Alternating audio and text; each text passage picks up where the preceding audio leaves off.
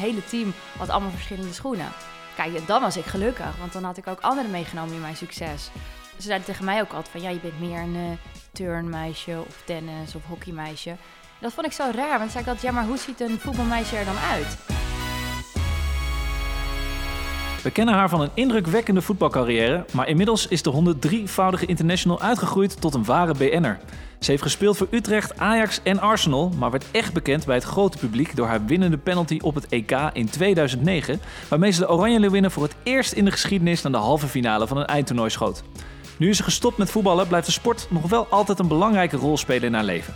Ze is de vaste analist bij de voetbalwedstrijden van de Oranje Leeuwinnen en ook schuift ze vaak aan bij verschillende tv-programma's als ware voetbalexpert.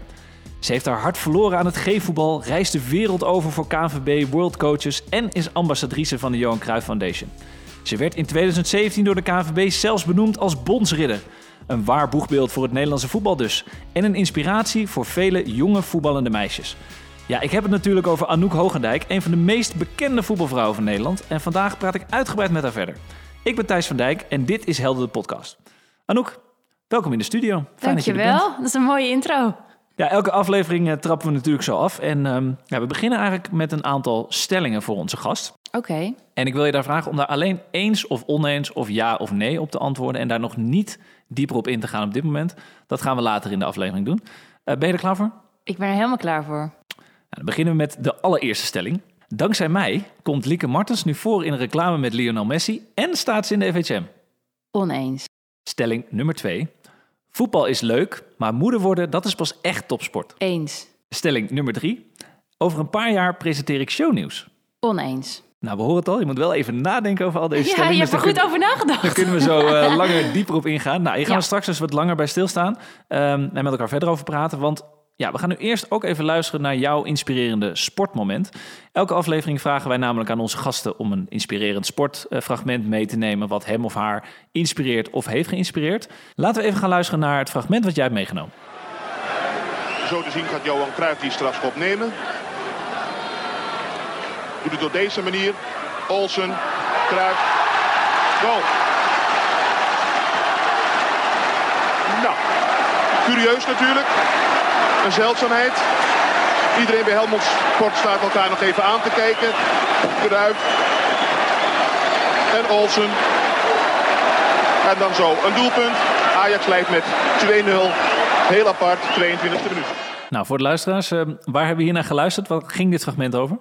Uh, dit was de penalty van Johan Cruijff, die ongetwijfeld iedereen kent die ook maar iets met voetbal heeft. Uh, het is natuurlijk niet de standaard penalty, maar hij nam hem samen met Olsen in tweeën. Um, en dat vond ik dus heel typerend voor Johan Cruijff. Dat hij altijd de grenzen opzocht, uh, vernieuwing opzocht en niet alles maar deed zoals het altijd was. En waarom inspireert dit fragment jou dan? Heb je in je carrière ook wel eens gedacht, oh, ik ga ook een penalty nemen? Nou, die penalty van 2009, had je dan ook gedacht van, uh, zou ik die dan ook in twee hebben moeten nemen? Hoe, hoe inspireert jou dit fragment dan? Nee, uh, het is niet dat ik op hem lijk wat dat betreft. Ik bewonder hem heel erg daarom. Uh, ik heb ook zijn boek gelezen en daarin zie je ook dat hij niet alles voor lief nam. Want je hebt heel veel voetballers, zeker ja, heel veel mensen in het voetbal, die doen alles al twintig jaar hetzelfde. Uh, een warming-up bij de Oranje Leeuw winnen. Nou, die er nu is, die had ik tien jaar geleden ook al. Dus er is heel weinig vernieuwing. Ze houden heel erg van vastigheid. Um, maar je hebt sommige coaches of voetballers die denken: waarom doen we het zo? Kan het ook beter? Is er een andere manier? En die gaan dat tot op de bodem uitzoeken. En zo iemand is hij. Hij wil gewoon net een beetje anders zijn. En dat zijn ook degenen die stappen maken. En jij zegt net van nou, ik lijk eigenlijk niet op hem. Maar wat zijn dan eigenschappen van, van Johan die jij in jezelf wel terugziet of zou willen terugzien? Nou ja, dit heb ik uh, minder dan dat hij heeft. Ik probeer het wel toe te voegen, maar bij mij zit het er minder van nature in. Uh, dus wat dat betreft is het inspirerend. Um, maar ik ben natuurlijk ambassadrice voor zijn foundation. En uh, dat is omdat we allebei de liefde hebben voor speciaal onderwijs en voor sport. En ik ben zelf ook docent lichamelijke opvoeding. dus ja, ik bekommer me ook wel om de jeugd dat ze allemaal bewegen en dat iedereen kan sporten. En ik heb ook heel veel met maatschappelijke projecten ik denk dat daar mijn hart wel misschien wel het meeste ligt. Um, en dat had hij natuurlijk ook. En ik vond het gewoon heel bijzonder dat hij een van de beste voetballers van de wereld is. Um, en dan kan je denken van, nou ja, mijn carrière zit erop. Ik ga een beetje nagenieten en rentenieren. En, um, maar hij richt een foundation op. En als hij komt, en hij was er heel vaak, dan is hij er ook echt. Dus het is niet alleen zijn aanwezigheid, want je hebt meer voetballers die dat doen. En sommigen zijn echt betrokken, maar anders, anderen doen dat omdat het goed staat. Maar hij nam voor iedereen de tijd. Elk kind, elke ouder, elke trainer die komt. En hij was er gewoon echt. En hij nam echt de tijd voor je. En ook als ik heb een keer in een rij gestaan van honderd mensen die hem gedag wilden zeggen. Uh, en hij begint een heel gesprek met mij over een interland die we hebben gespeeld. En ik voelde me echt bezwaard, want ik denk, hallo, ik sta hier met Johan Cruijff te praten en iedereen hier wil dat. Maar het maakt hem echt niet uit wie je bent. Hij neemt gewoon voor iedereen de tijd en dat vond ik gewoon heel bijzonder. En dat doe jij nu inmiddels ook? Heb je dat ook meegenomen van hem? Nou, dat heb Als ik mensen zo... iets van jou willen bijvoorbeeld nu? Nou, ik denk dat ik dat van nature wel altijd gehad heb. Dus wat dat betreft lijkt misschien wel een beetje op hem. Ik zou me niet willen vergelijken met Johan Cruijff qua voetbal, want dat kan niemand en mag denk ik ook bijna niemand. Ehm, maar ik heb wel altijd gedacht na een wedstrijd, ook al had ik heel slecht gespeeld of hadden we verloren, dan bleef ik wel op het veld, soms een uur lang om handtekeningen en foto's uit te delen. Uh, want dan denk ik, ja, het is een kleine moeite en je kan zo het verschil maken voor een meisje die ook als droom heeft om bij Ajax te spelen of in het Nederlands elftal. En ik weet nog hoe blij ik was met die handtekeningen van Kluivert en Rijkaard die ik vroeger had. En dat is me één keer gelukt. En die heb ik op mijn gezicht laten zetten en honderd keer laten overtrekken door mijn moeder. En ja, dat maakte gewoon, nou ja, niet alleen mijn dag, maar mijn jaar, mijn leven. En dan denk ik, ja, het is een kleine moeite om gewoon even de tijd voor mensen te nemen. Uh, je had een heel inspirerend verhaal wat mij heel erg uh, triggerde. Ik denk dat dat een verhaal is wat niet heel veel mensen uh, van hem kennen. Kun je daar iets over vertellen? Het was een ervaring volgens mij dat je met hem in winkelwagentjes ballen moest trappen, toch? ja, dat klopt. in het Olympisch Stadion. daar speelden we altijd een toernooi. En dat was een soort bedrijventoernooi. En dan konden bedrijven tegen het team van Johan Cruijff spelen. En ik mocht dan bij hem in het team spelen. En het was altijd heel erg geliefd, want iedereen wil in het team bij Cruijff. En uh, je had ook side-events. Dus dan moest je bijvoorbeeld uh, rolstoelbasketballen en in een winkelwagentje schieten. Uh, maar het waren een beetje van die speelgoedballen, zeg maar, waar geen gevoel in zit, weet je wel. En uh, dus allemaal schoten we die eerste bal. We hadden drie pogingen. Nou, dat leek helemaal nergens op, want ze waren hartstikke licht.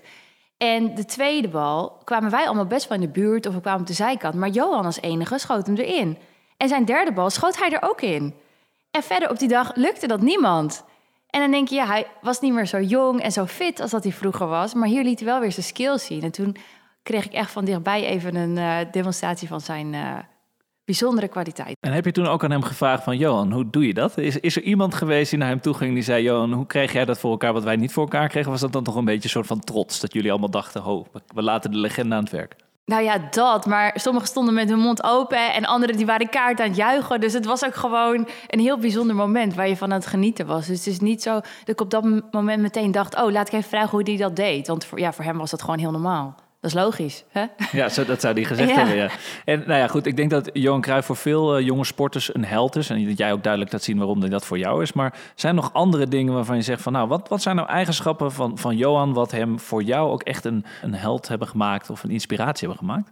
Nou ja, eerst als voetballer kreeg ik het vooral van mijn ouders te horen. Want ik ben iets te jong om hem helemaal actief te hebben meegemaakt. Maar uh, ik heb wel natuurlijk beelden opgezocht. En dan zag je wat een prachtige, sierlijke uh, technische voetballer dat was. Ik vond het wel heel jammer dat ik niet uh, die tijd heb gezien van hem. Nee, ik ook. Ja. Um, maar ja, toen ik dus bij de Kruif van deze kwam, kreeg ik alsnog de kans om met hem te voetballen. En ja, in het veld was hij nog steeds echt de meester, zeg maar. Hij zette ons allemaal op, op ons plek en hij had alles in de gaten. Hij liep iets minder en hij was iets minder snel. Maar wat hij deed aan de bal, en vooral zonder bal, dat was gewoon heel bijzonder. En um, nou ja, dus dat is, dat is gewoon voetballend. En ja, als persoon... Uh, ja, ik kan gewoon uren naar die interviews van hem kijken, hoe hij alles uitlegt. Het is gewoon, ja. En waarom? Nou ja, de dingen die hij bedacht, hij ging soms wel iets te snel voor de meeste mensen. Maar inderdaad, over tegeltjes gesproken. Ja, je kan een heel huis eh, behangen met zijn tegeltjes. Uh, boeken zijn er natuurlijk gevuld met zijn uitspraken. En hij dacht er niet eens over na. Hij schudde ze zo uit zijn mouw. Dus hij is denk ik op heel veel vlakken een held. Voor mij en voor heel veel mensen. Voetballend, uh, als analist of ja, ik weet eigenlijk niet hoe je het moet noemen. Hoe die alles uh, uitlegde, zeg maar, op tv. Um, maar ook als persoon wat hij voor zijn legacy eigenlijk deed. Dus ja, dat vond ik eigenlijk de belangrijkste punten. Waarom, ja, hij inspireerde me eigenlijk op meerdere vlakken. En is er een, een van zijn uitspraken die, waarvan je zegt, die draag ik met mij mee? Die heb ik eh, van Cruyffiaans Anoukiaans gemaakt, bijvoorbeeld? Nou, ik vind heel veel uitspraken heel mooi, maar heel veel zijn heel erg op het voetbal gericht. En uh, eigenlijk de meest bekende is natuurlijk elk nadeel heeft zijn voordeel. Maar die gebruik ik heel vaak. En dat is ook wel een beetje wat Uh, ik probeer eigenlijk altijd wel positief uit de situatie te halen. Want als sporter en ook daarbuiten kom je echt wel gewoon in lastige situaties. Maar overal probeerde ik altijd wel uh, optimistisch te zijn. En dat is ook een beetje een valkuil, dat je altijd wel van het goede van de mensen en van de situatie uitgaat. Maar ik denk dat je daardoor wel uh, meer mensen, of veel mensen wat gunt, geen afgunst hebt, dingen waardeert. Dat je vooral het mooie benadrukt in de situaties. Nou, je zei net al van, nou, ik ben trots dat ik zijn legacy ook mag uitdragen. Hoe doe jij dat nu aan, uh, aan de jonge kinderen, aan de jonge voetballers? Hoe probeer je dat mee te geven, het verhaal van Cruijff, in de vorm van Anouk? Um, nou, het is niet zo dat ik mijn eigen foundation heb of zo. Mijn leven bestaat wel uit heel veel losse verschillende activiteiten. Um, dus daar ben ik nog steeds wel een beetje uh, over na denken en vorm aan geven wat ik nou precies wil gaan doen. Um, maar ik, ik merk wel dat je gewoon met jouw carrière, met je ervaring, uh, door te zijn wie je bent, dat je mensen kan motiveren en inspireren. Dus dat geldt voor kinderen. Dus soms geef ik een clinic of ga ik iets vertellen op een voetbalclub. En dan probeer ik ze gewoon enthousiast te maken, hun vragen te beantwoorden en de tijd voor hen te nemen. Maar dat doe ik ook als ik bijvoorbeeld um, ergens bij een bedrijf ben. Dan zie je ook dat er heel veel overlap is. En uh, dat we eigenlijk allemaal topsport doen. En dat we allemaal obstakels hebben overwonnen. Um, ja, dus vooral gewoon mijn verhaal te delen. Maar ja, het is niet zo dat ik zelf nou heel bewust bezig ben met... ja, hoe ga ik nou, net als Kruif, dat allemaal doen? De laatste vraag voordat we zo meteen uh, wat dieper ook op jou ingaan. Ik ben heel benieuwd van, uh, zoals ik jou nu voor me zie zitten... van zie jij jezelf eigenlijk als een voorbeeld of een, of een held voor jonge meisjes op dit moment? Zie je dat niet zo? Nee. Nee, ja, nee, dat vind ik toch een beetje gek. Ik kreeg het al wel van, van vrij jong... kreeg ik al de naam boegbeeld zo uh, ja, op me geplakt. En ja, ik vond het ook niet altijd een heel fijn woord. Want er zitten ook allemaal verwachtingen aan vast. Waar ik niet altijd heel lekker mee om kon gaan. En die druk en zo. Um, maar goed, in de loop der jaren word je er wel van bewust dat je natuurlijk een voorbeeldfunctie hebt voor die meisjes. En die hebben dromen en die willen doen wat jij doet.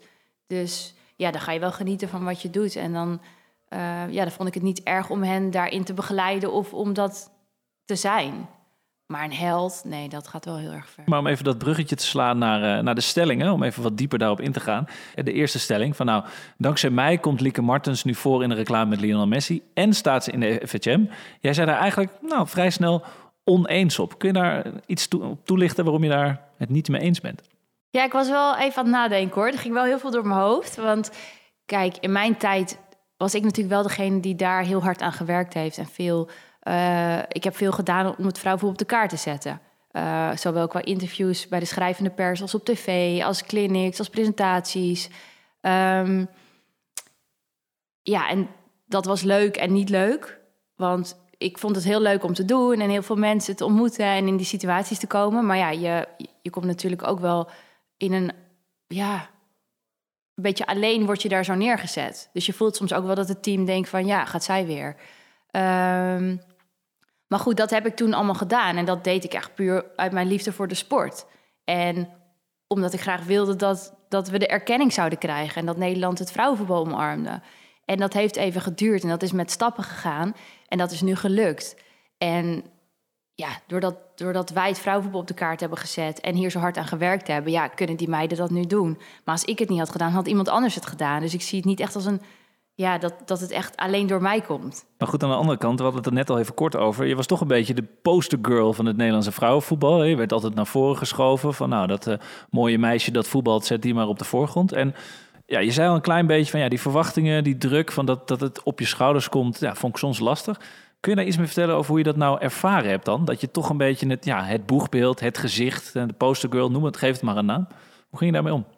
Ja, dubbel dus. Want enerzijds vond ik het een eer en ik vond het ook heel leuk om te doen. Dus dat kostte me niet heel veel energie of moeite. Um, want ja, ik deed dat graag voor mijn sport, maar ik vond het ook heel leuk om mezelf te ontwikkelen. En ja, ik kwam ook uh, uh, bij mooie shoots of tv-programma's waar je niet zo snel komt. Alleen aan de andere kant ben ik niet voor niets gaan voetballen. Ik ben een echte teamspeler. En um, ik vond het wel altijd dus heel belangrijk dat je gewoon goed in de groep ligt en dat er harmonie is en zo.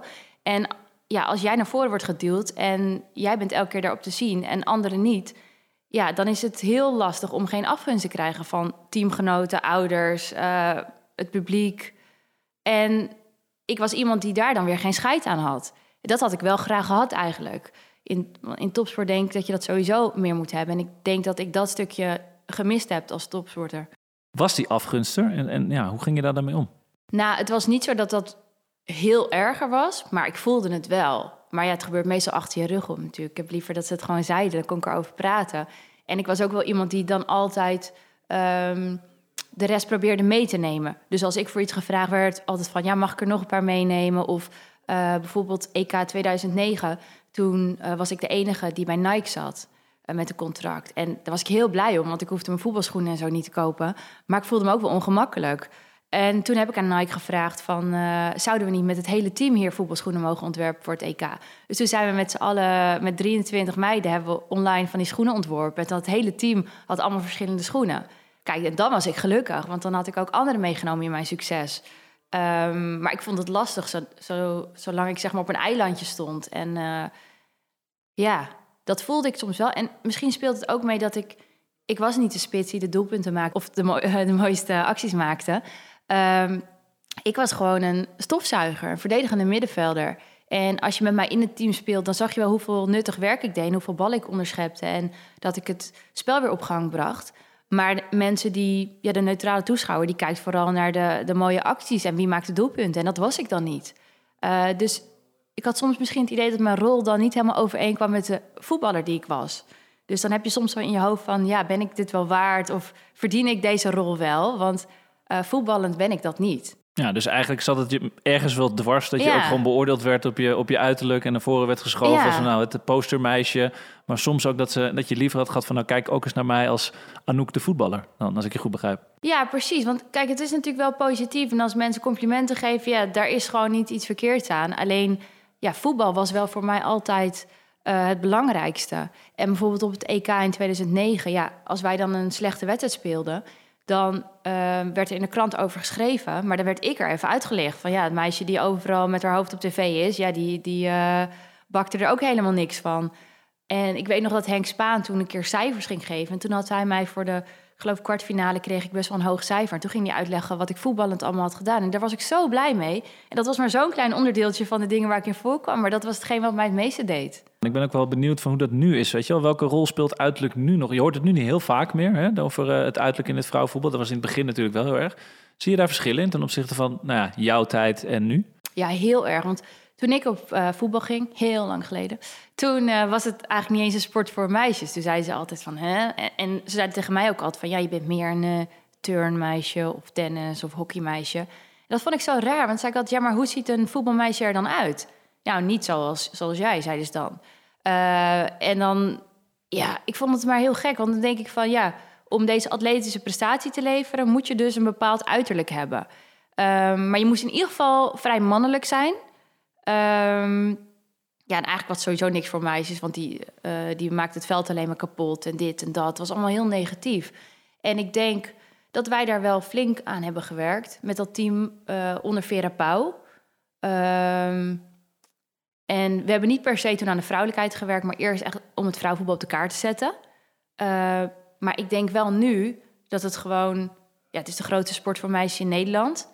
En als je ook naar Nederlands elftal kijkt, ja, alle soorten meiden zitten er. En dat vind ik juist het leuke aan voetbal. Ook toen ik nog voetbalde. Je had echt de super vrouwelijke types, je had de hele stoere types. Maar alles kan samen, want je hebt allemaal gewoon een gemeenschappelijk doel en passie.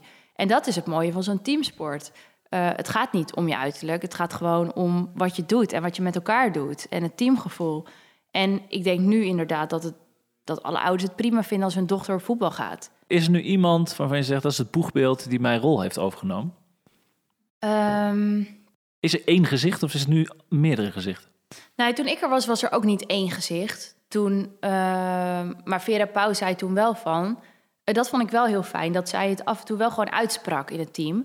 En dat ze ook zei van, uh, we kunnen niet opeens met z'n twintig naar voren stappen... want het publiek gaat niet in één keer twintig mensen onthouden. Dus we kunnen wel met twee, drie beginnen... en dan kan je dat steeds meer gaan uitbouwen. En ik denk in het team nu dat het er wel meer zijn... maar toch als je nu op straat loopt en je vraagt wie ken je... dan zullen ze wel allemaal uh, een stuk of vijf noemen.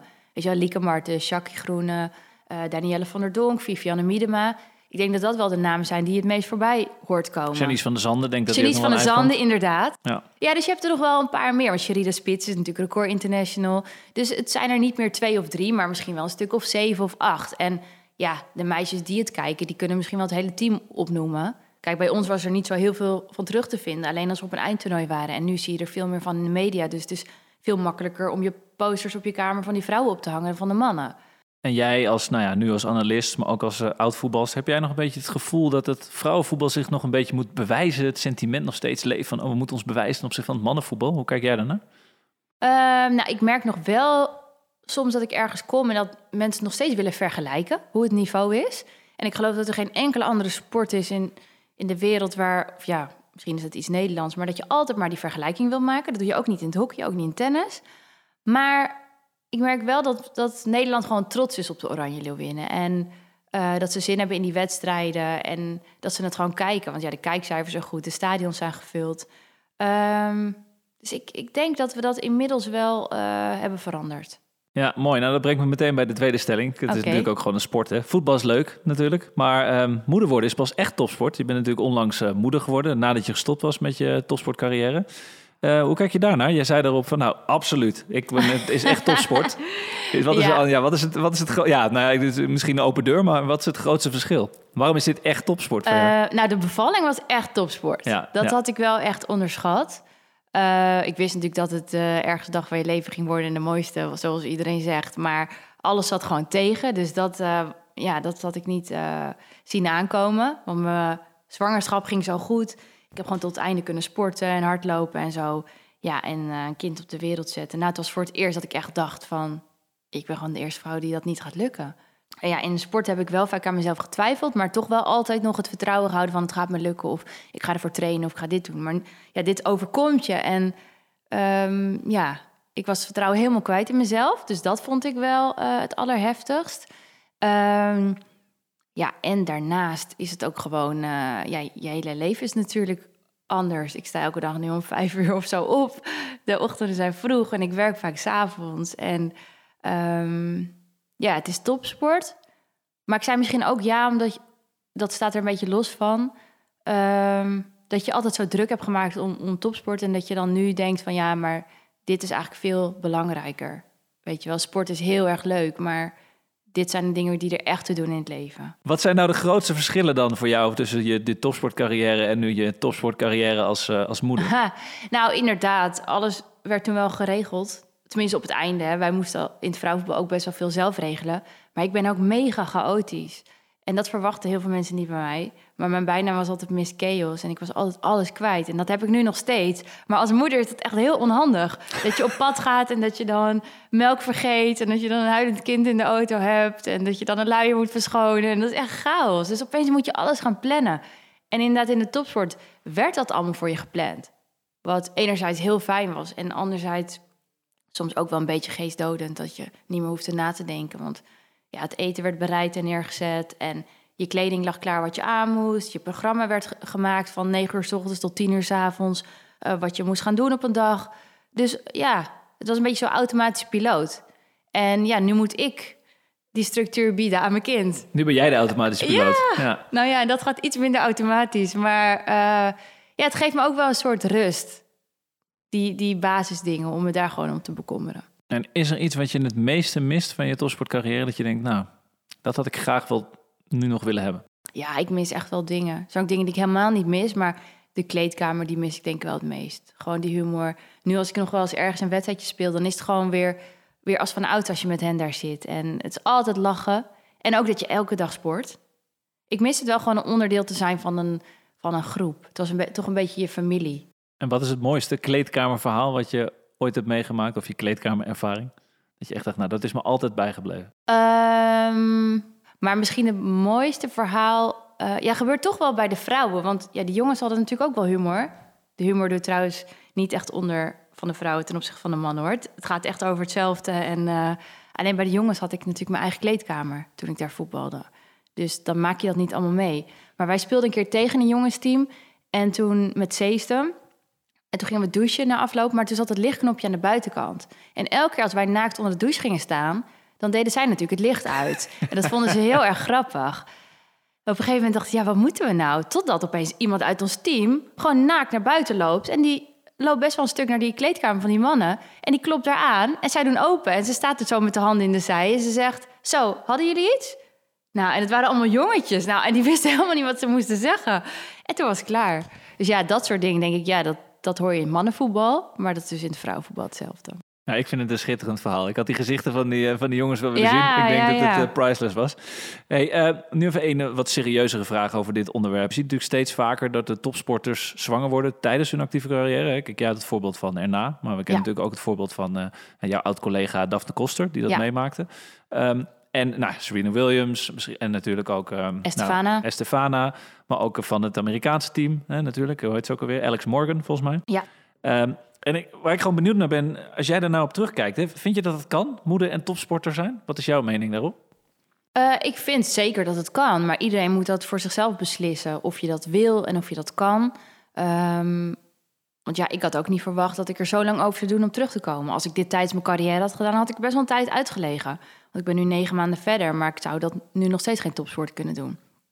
Um, ik denk dat er ook van afhangt hoe oud je bent en hoe fit je bent en dus hoe je bevalling gaat. Dus ieder moet dat voor zich uh, beslissen. En het is zeker mogelijk. Um, maar ik heb er niet over nagedacht. Maar in veel landen uh, is het een tijdje al wel uh, heel normaal. Zoals bij Canada of Engeland. En heb je af en toe ook gewoon een nanny bij het team. Dat gewoon de baby's meegaan. Um, maar in Nederland is het gewoon nog niet echt gebeurd. En je hebt nu bijvoorbeeld wel natuurlijk meiden in het Nederlands team die een kindje hebben. Maar dat zijn dan niet degenen die de zwangerschap hebben gedaan. Dus dat maakt het natuurlijk wel anders. Die hebben het ook wel pittig thuis en natuurlijk vroege ochtenden, maar die hebben dat lichamelijk niet ondergaan. Um, ja, dus dat zal echt nog uh, voor het eerst moeten gebeuren hier. Gaan we door naar de, de laatste stelling, waarin je eigenlijk ook uh, ja, vrij snel zei, uh, daar ben ik het mee oneens. Over een paar jaar presenteer ik shownieuws. je moest er wel even over nadenken. What's next? Uh, ja, dit klinkt inderdaad alsof ik heel veel op tv doe. Het is niet per se mijn ambitie om veel op tv te doen. Maar de dingen die je noemt, ja, dat waren wel prachtige kansen. En er wordt ook nog vastgelegd dat je terug kan zien. Dus dat is natuurlijk heel leuk. Um, maar jij vroeg of ik shownieuws ging presenteren. Toen dacht ik, nee, dat gaat denk ik niet gebeuren. Ik zit daar nu wel als sportdeskundige en dat is heel erg leuk. Um, ik zou het wel leuk vinden om iets te presenteren. Uh, zeker als het sportgerelateerd is. Maar ik vind het vooral heel leuk inderdaad om andere mensen uh, te interviewen of tot hun recht te laten komen. Op welke manier dan ook. Dus als het iets is wat dicht bij mij ligt, zou ik het wel willen presenteren. Maar ik zou niet per se iets willen presenteren. Als ik ergens voor gevraagd word. en heb je? nu een programma waarvan je zegt: Oh, dat zou ik wel willen presenteren? Is dat dan een Zep Sport of ja. andere tijden sport? Of heb je daar nou, zo nagedacht? Ik zou het liefst iets met. Uh, zoals wat uh, Johnny de Mol doet dat zijn wel de programma's waar dus mijn hart echt ligt. Uh, ik Down heb... met Anouk maken. Down met Anouk, zoiets, ja. Ik heb dus de ALO gedaan, dus ik ben docent lichamelijke opvoeding... met een specialisatie in speciaal onderwijs. Dus ik heb ook een tijdje lesgegeven op uh, eh, ZMLK-scholen. Zeer moeilijk lerende kinderen. En ik ben natuurlijk uh, ambassadrice voor de Kruif Foundation. Ik presenteer ook wel eens wat uh, voor het Dirk Kuytse Foundation. Dus dat is wel elke keer die doelgroep. En dat zou wel mijn droomprogramma zijn... om iets met sport en met die doelgroep te doen. We gaan nu even naar de toekomst kijken. Hè? Dus we gaan uh, inspiratie, we gaan, uh, hoe ga jij inspireren in de toekomst?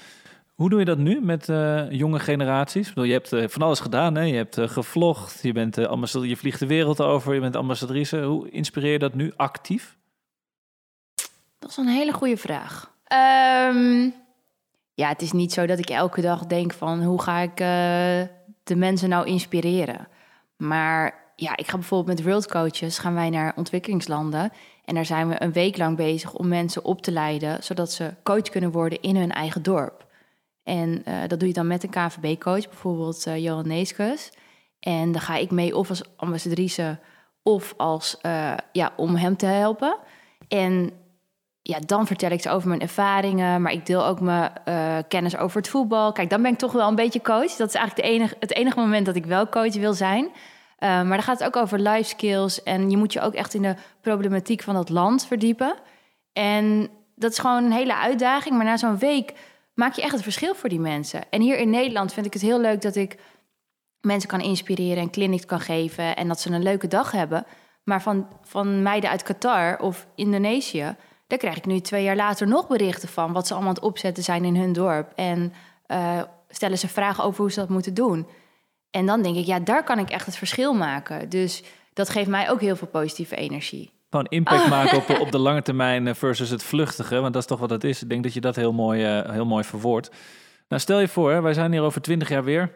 Uh, zitten we weer een podcast te maken met elkaar. En hoe hoop jij dan dat je herinnerd wordt over twintig jaar? Of dat mensen over jou praten? Nou, ik hoop dat mensen um, die mij hebben meegemaakt... Um, dat ik ze toch wel heb geïnspireerd.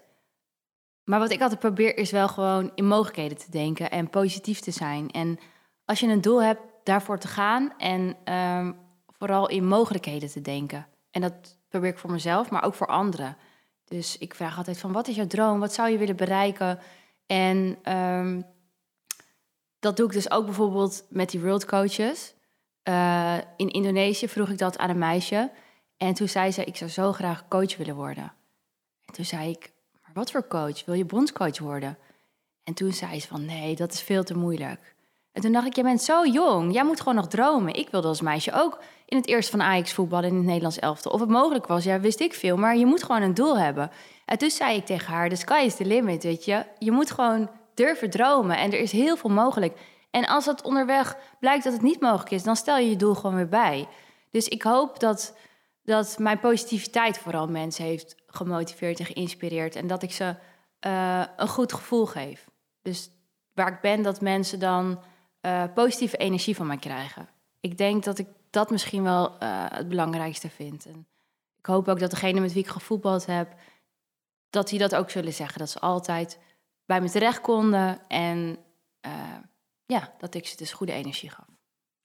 Inspirerend. Nou, zoals ik al, uh, zoals je ziet, ik heb hier een, uh, een tegeltje voor jou liggen. Um, ja, dan mag je eigenlijk jouw lijfspreuk of levensmotto. Nou, ik heb er heel veel voorbij horen komen, maar die mag je opschrijven. Ja, dat wordt dan een beetje jouw boodschap aan de wereld, uh, ja, die we ook zullen gaan vereeuwigen aan, aan de Helderwall. Ja, wat is nou de boodschap die jij mee wil geven aan de luisteraars en generaties na jou? Um, nou, net terwijl ik aan het praten was, dacht ik, hè, voor een tegelspreuk is misschien de sky is the limit wel mooi. Mooi. Is dat ook degene die jij in je hoofd had? Nou, ik had hem in de. Jij wil heel graag in het Engels hebben. Nee, nee, absoluut niet. Maar hoor. ik dacht, ik vond het mooiste wat je net zei, uh, eigenlijk uh, durf te dromen. Weet je wel, dat verhaal over dat meisje uit Indonesië. Ja. Dat durf te dromen. Ik denk dat dat heel erg bij jou past. Want jij hebt dat eigenlijk gedaan. Je hebt je dromen waargemaakt. En nu is het eigenlijk ook een boodschap aan jezelf.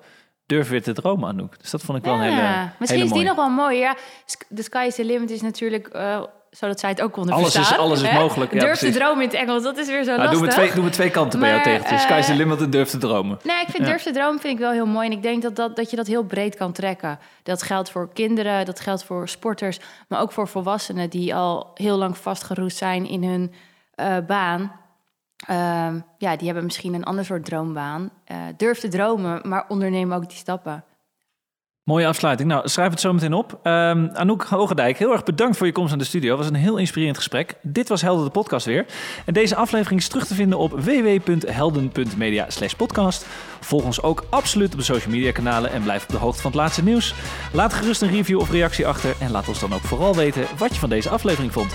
Tot de volgende keer.